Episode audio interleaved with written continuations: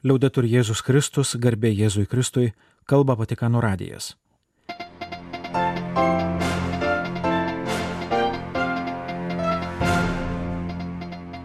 Malonus klausytojai šioje programoje.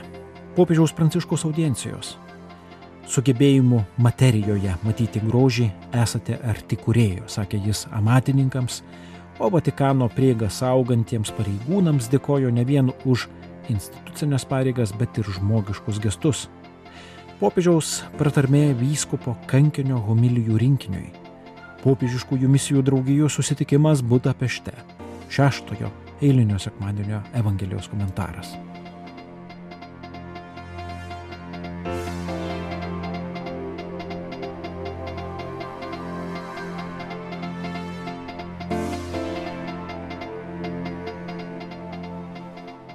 Vasario 10 dieną popiežius Pranciškus susitiko su šešiais tūkstančiais amatininkų dirbtuves ir mažas įmonės Italijoje, vienijančios amatų konfederacijos konfartidžanato nariais.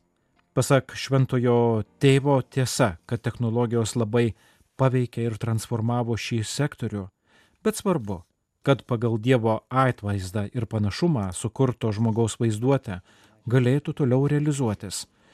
Le macchine replicano anche con una rapidità eccezionale, mentre le persone inventano.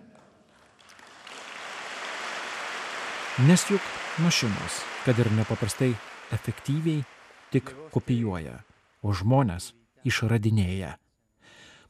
Darbas amatininkų dirbtuvėse ir mažose įmonėse reikalauja išradingumo ir kūrybingumo. Išryškindamas jo įvairius aspektus, šį darbą popiežius susijęjo su rankomis, akimis ir kojomis. Rankos. Ypač darbas rankomis daro žmogų kūrybingo Dievo darbo bendradarbiu Nes padaryti ir pagaminti nėra tas pats.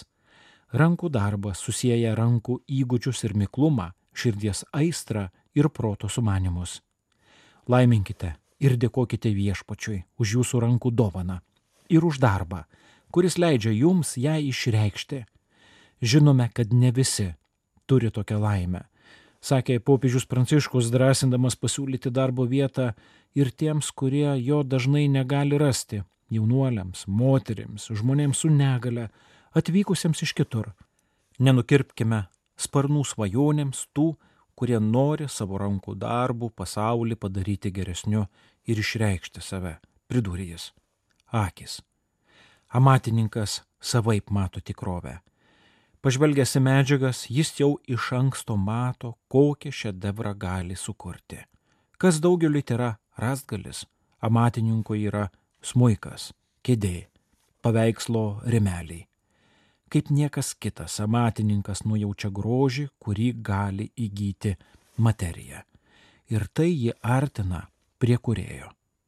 Evangelijoje pagal Morku pats Dievo sūnus yra pavadintas dailide. Jis buvo matininkas, visko išmoko iš šventojo Juozapo, daug metų gyveno darbo įrankių ir medžiagų kontekste, suprato dalykų ir darbo vertę. Tai labai skirtinga nuo vartotojiško mentaliteto panaudok ir išmesk. Kūrinyje nėra daiktų suma, bet dovana ir slėpinys, kurį kontempliuodami džiaugiamės ir šloviname. Jūs, amatininkai, padedate mums kitomis akimis žvelgti tikrovę, pripažinti medžiagos, kurią Dievas atidavė į mūsų rankas, vertę ir grožį, sakė šventasis tėvas kojos. Amatininkų dirbiniai iškeliauja iš jų dirbtuvių ir pasiekia visas pasaulio pusės, ten, kur jų reikia. Amatininkystė yra vaizduotės, aplinkos, gyvenimo sąlygų ir santykių gerinimo kelias. Jam, pasak popiežiaus pranciškaus, patinka sakyti brolybės amatininkai, nes brolybė reikia to konkretumo, koks būdingas amatininkams Brolybės ar artimo meilės amatininkas buvo gerasis samarietis iš Jėzaus palyginimo, pakėlęs sužeistą žmogų pakelyje ir juo pasirūpinęs. Mūsų kojos leidžia mums susitikti su daugybė pakelėse parpuolusių žmonių. Galime padėti jiems atsistoti, pakviesti eiti kartu, taip pat per darbą. Abejingumo kultūroje galime tapti bendra keleiviais. kas kartą, kai žengiame žingsnį link brolio, tampame naujos žmonijos amatininkais, sakė Pranciškus. Drąsinu jūs būti taikos amatininkais tuo metu, kai karai skina aukas, o vargšai neišklausomi. Tegul jūsų rankos, akis ir kojos būna kūrybingo ir dosnaus žmogiškumo ženklas. Jūsų širdise visada tedega aistra grožiui. Dėkoju jums už daromą gėrį. Pavedu jūs šventojo Juozapo globai. Tegul jis saugo jūs, jūsų šeimas ir jūsų darbą. Iš viso širdies jūs laiminu, prašau melstis ir už mane. Amatininkams ir mažų įmonių, darbuotojams, sakė popiežius Pranciškus. Vasario 10-ąją popiežius priemė Vatikano prieigą saugančio ir tvarką užtikrinančio italų policijos inspektorato darbuotojus, policininkus ir policininkės, kasdien bendradarbiaujančius su paties Vatikano žandarmerija. E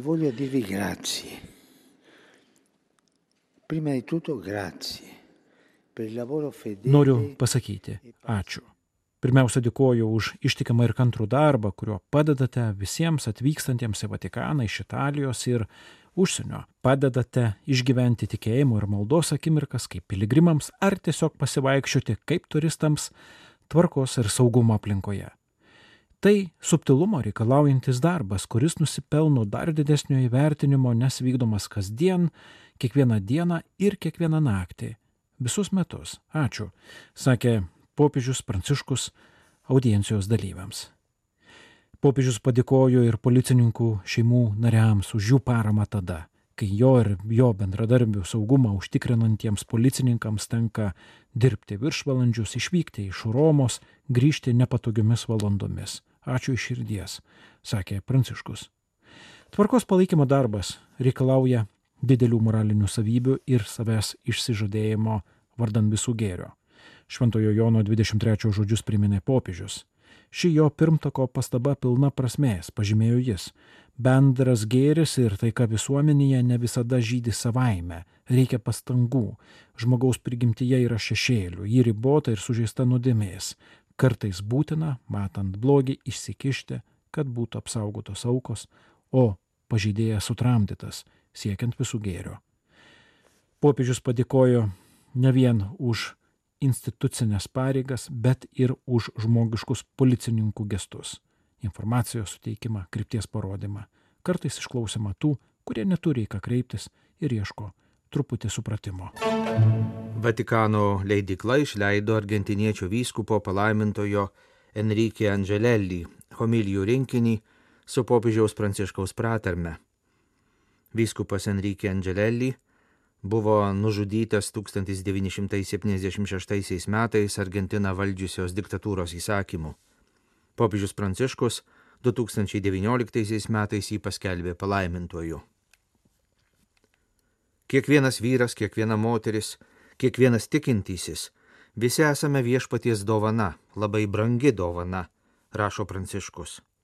Visi esame konkrečios dovanos skirtos konkretiems žmonėms nors visi esame dovana kitiems, tačiau bažnyčia šventuosiuose atpažįsta žmonės, kurie yra dovanos šiek tiek platesniu, visuotiniu mastu. Todėl jie kanonizuojami, kad jų gyvenimo pavyzdys ir jų draugystė pasiektų visus žmonės, vietas, kontekstus bei laikus. Iš tiesų šventieji yra tokie panašus į Jėzų, kad jie gali būti tikra nuoroda kiekvienam Dievo vaikui. Popiežius rašo, kad palaimintasis vyskupas kankinys Enrique Angelelli buvo ir tebėra viešpaties dovana visų pirma bažnyčiai Argentinoje. Nepaisydamas pavojų ir priešiškumo, nepaisydamas baimės ir grasinimų, jis vykdė savo pašaukimą būti bažnyčios kaimenės ganytoju. Kankinys liudyja, kad jei žmogus širdimi ir protu yra su Dievu, tuomet ir visi jo darbai yra įkvėpti Dievo. Kankinys nuoširdžiai myli visus, atsisako lengvesnio kelio, nesiekia asmeninių interesų ar ramaus gyvenimo, neišduoda silpniausių jų atstumtųjų. Dėl to, pasak popiežiaus ir vyskupo Andželelį homilijos, surinktos pristatomoje knygoje, gali būti įkvėpimo šaltinis ir pagalba iš Evangelijos perspektyvos žiūrėti į iššūkius, kuriuos kiekvienas iš mūsų esame pašaukti išgyventi bažnyčioje ir savo profesinėme bei šeimos gyvenime. Vyskupo kankinio pamokslai buvo skirti visiems ir yra visiems suprantami. Juose kalbama apie konkrečias socialinio gyvenimo aplinkybės, siekiant parodyti, kad Evangelija nėra idėja, o tikėjimas ne prietarai. Iš tikrųjų, tikėjimas į Kristų tai su juo užmesgamas ryšys, kuris keičia mūsų širdį, protą, požiūrį į save bei kitus, rašo Pranciškus. Kasmetinis popiežiškųjų misijų draugijų Europos direktorių susitikimas šiemet vykęs Budapešte baigėsi vasario 8-ąją ketvirtadienio vakarą Euharistijos šventimu, kuriam vadovavo paštališkasis nuncijus Vengrijoje arkivyskupas Michaelas Wallace'as Banachas praneša susitikime dalyvavęs salezietis kunigas Aleksandras Barelli. Tapatybė, charizma ir popiežiškųjų misijų draugijų vaidmuo tai savokos, kurios buvo popiežiškosios tikėjimo skleidimo draugijos generalinio sekretoriaus tėvo Tadeušo Novako pranešimo centre.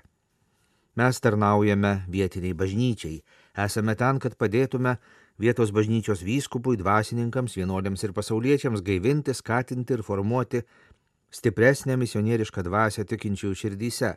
Svarbu, kad išreikštume ir parodytume tikrą troškimą padėti vietiniai bažnyčiai vykdyti šią užduotį - tarnystę evangelizacijai, pabrėžė tėvas Novakas.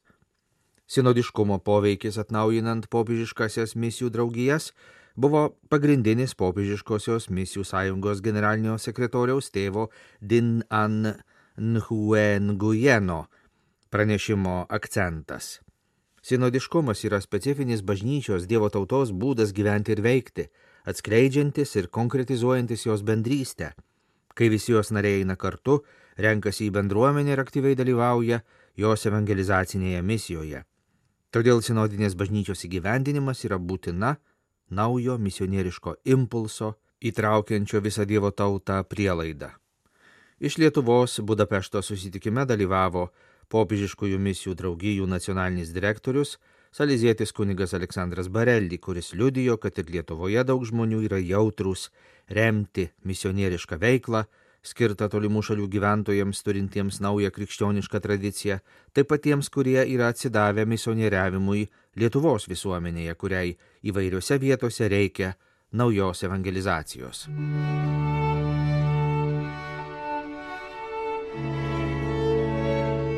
Šeštasis eilinis sekmadienis iš Evangelijos pagal Morkų. Anuo metu pas Jėzų atėjo raupsuotasis ir atsiklaupęs maldavo. Jei panorėsi, gali mane padaryti švarų. Jėzus pasigailėjęs jo ištiesė ranką, palėtė jį ir tarė - Noriu, būk švarus. Tu jau pat raupsai pranyko ir jis tapo švarus. Jėzus liepė jam tu jau pasišalinti ir smarkiai prigrasino žiūrėk, niekam nieko nepasakok. Eik pasirodyk kunigui ir už pagėjimą paukok Mozės įsakytą atnašą jiems paliudyti. O šis, bekeliaudamas, pradėjo taip plačiai skelbti ir skleisti įvykį, kad Jėzus nebegalėjo viešai pasirodyti mieste. Jis laikėsi už miesto negyvenamuose vietose, bet žmonės iš visur rinkosi pas jį.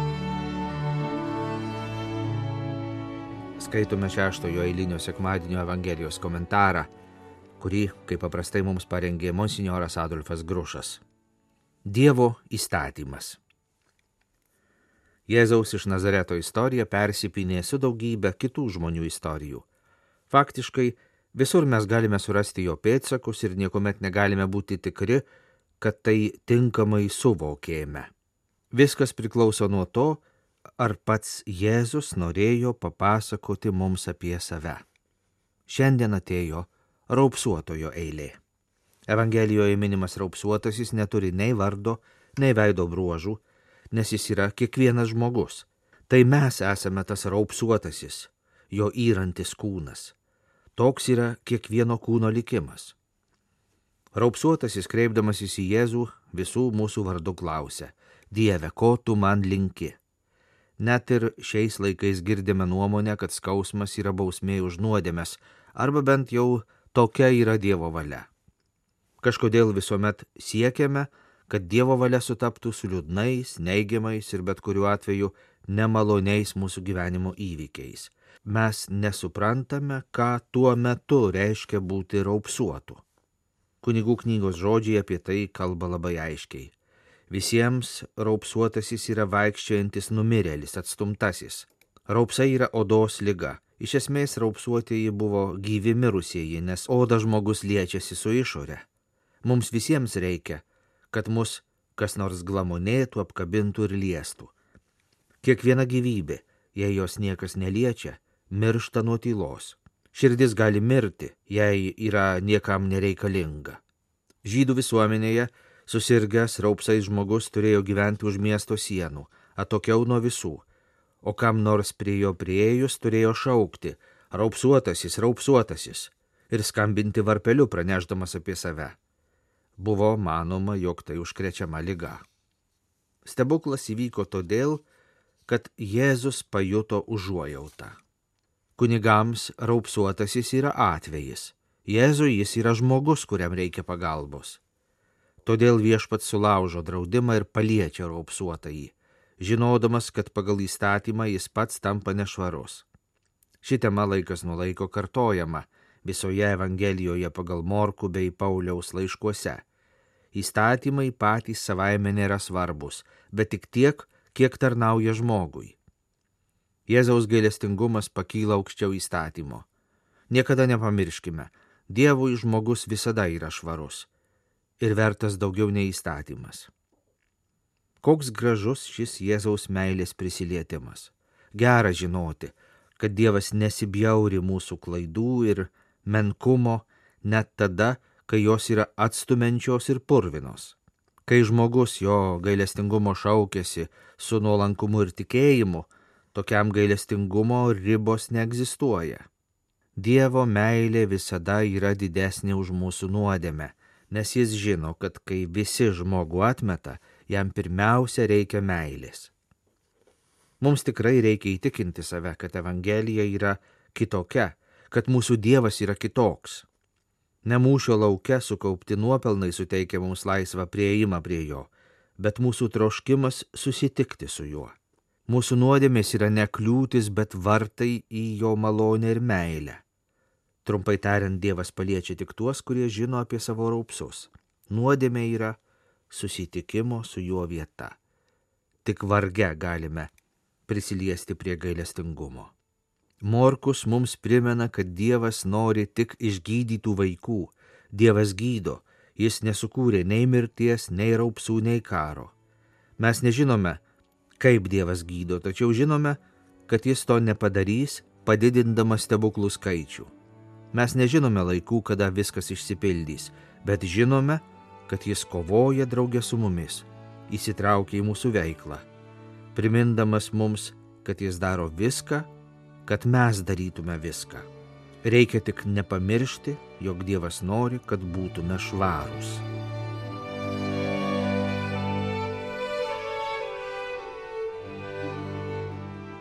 Malonus klausytojai, laidą lietuvių kalba baigiame. Kalba Vatikano radijas, garbė Jėzui Kristui, liaudėtur Jėzus Kristus.